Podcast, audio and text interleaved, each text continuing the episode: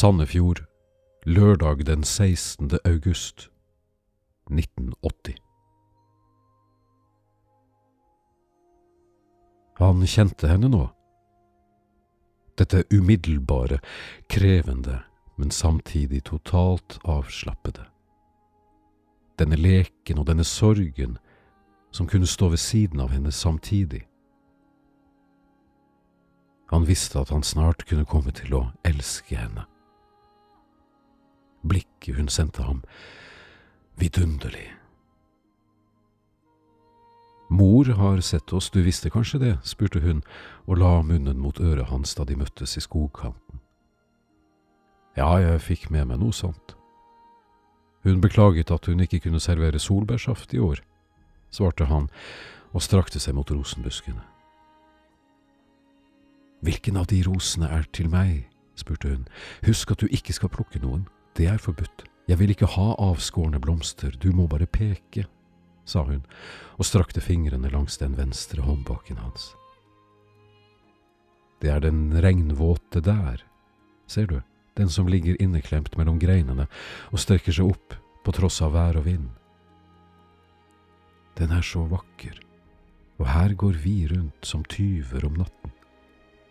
Ja, lovløse. Ja, tilhørende. Du sa en gang at du følte deg valgt, bestilt. Ja, kom, kom så drar vi og stjeler resten.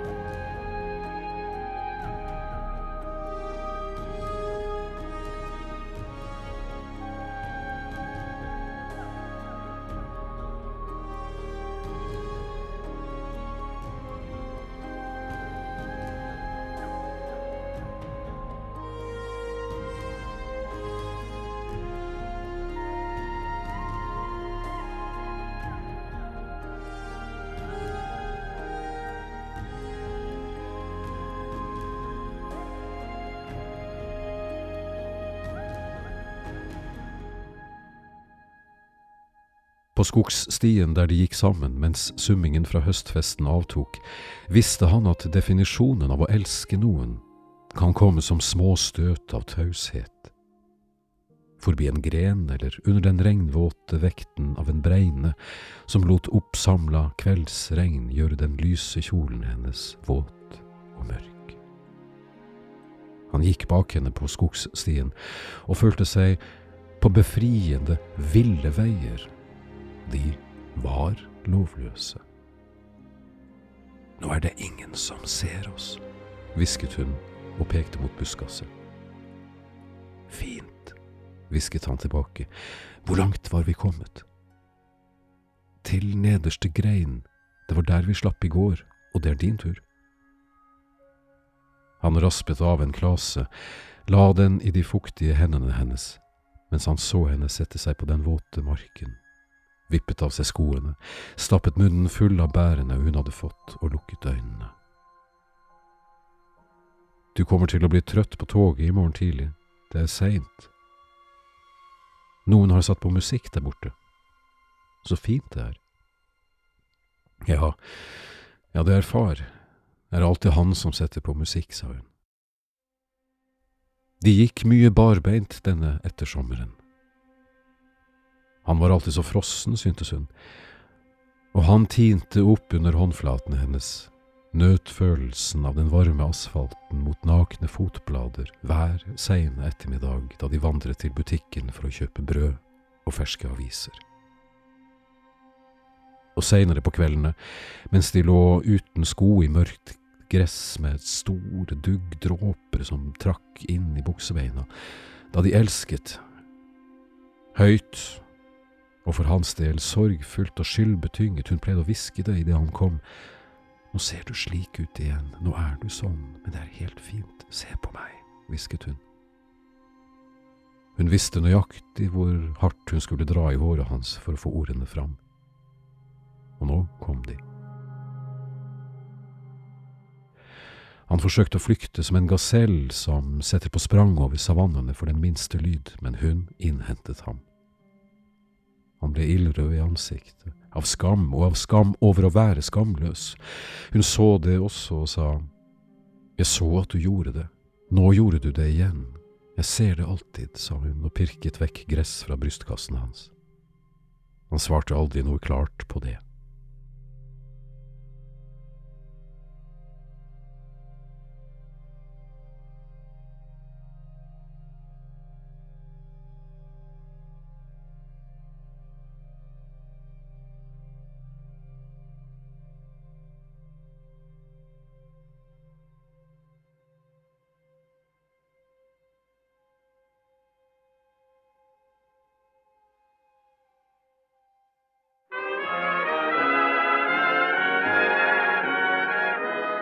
De er eh, sammen igjen, sa den eldre mannen og strakte beina.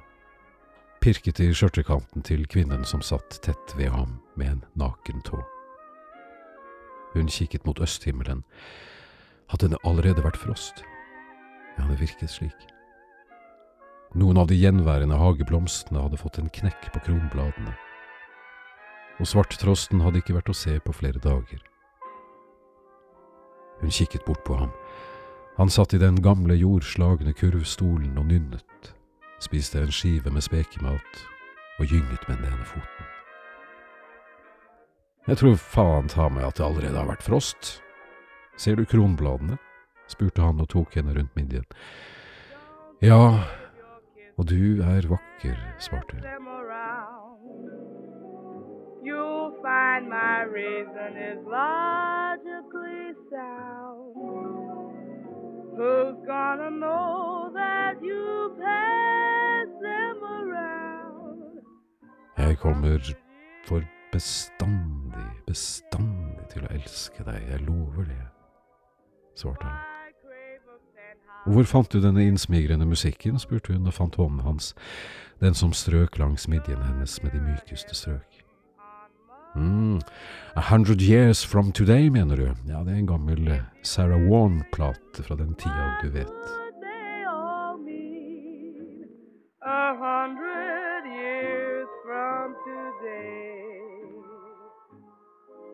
Du ser da at de danser, å herregud, jeg skulle, jeg skulle ønske at jeg kunne danse, sa han, og det oppsto en pause mellom dem. Hun sa ikke noe, men pausen falt ikke lang, og nå, nå har du altså sagt det, hvordan tok hun det? Fortsatte han og satte øynene i henne. Ja, egentlig som forventet, du vet jo hvordan hun er. Ja, hva sa hun? Hun sa at hun hadde skjønt det for en god stund siden, og at det sikkert var klokt. Ja, hun skjønte meg, sa hun. Men sa hun det? At hun skjønte deg? Hva mente hun med det? Ragnar, kjære, ikke snakk mer om alt dette triste.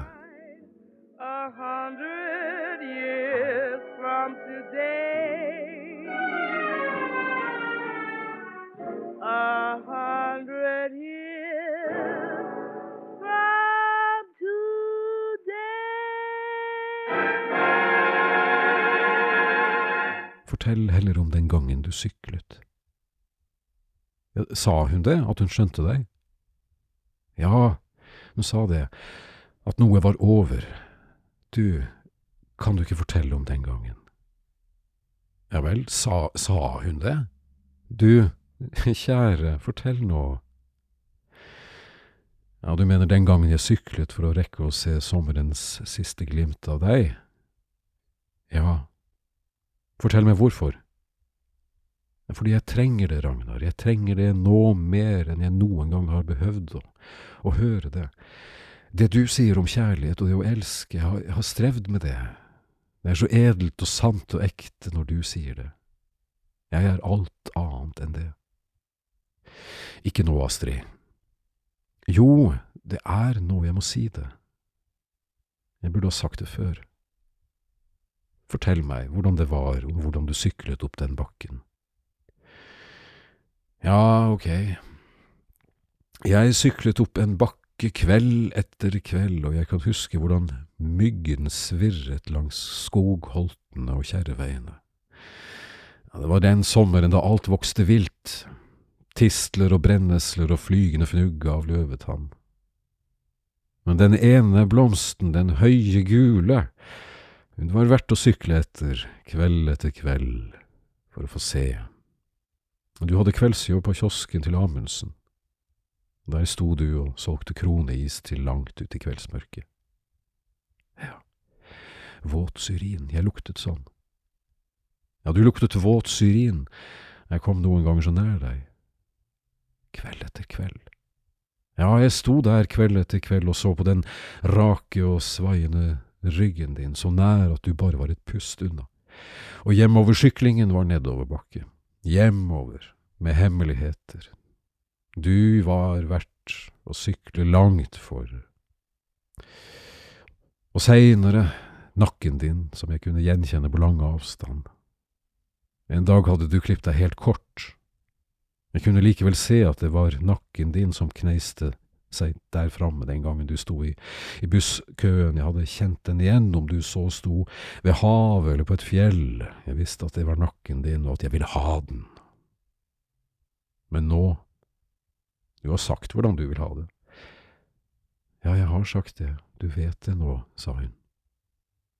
Kom, kom og legg deg nå, vi har rene laken.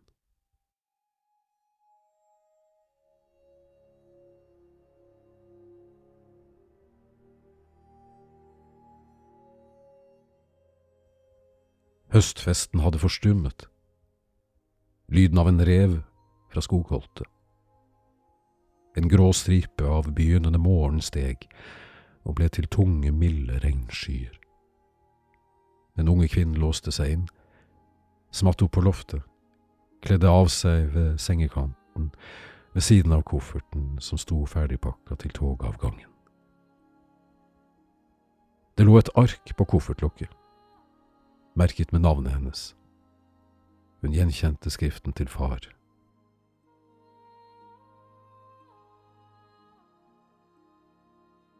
På gulvet ved kofferten sto en liten flaske solbærsaft.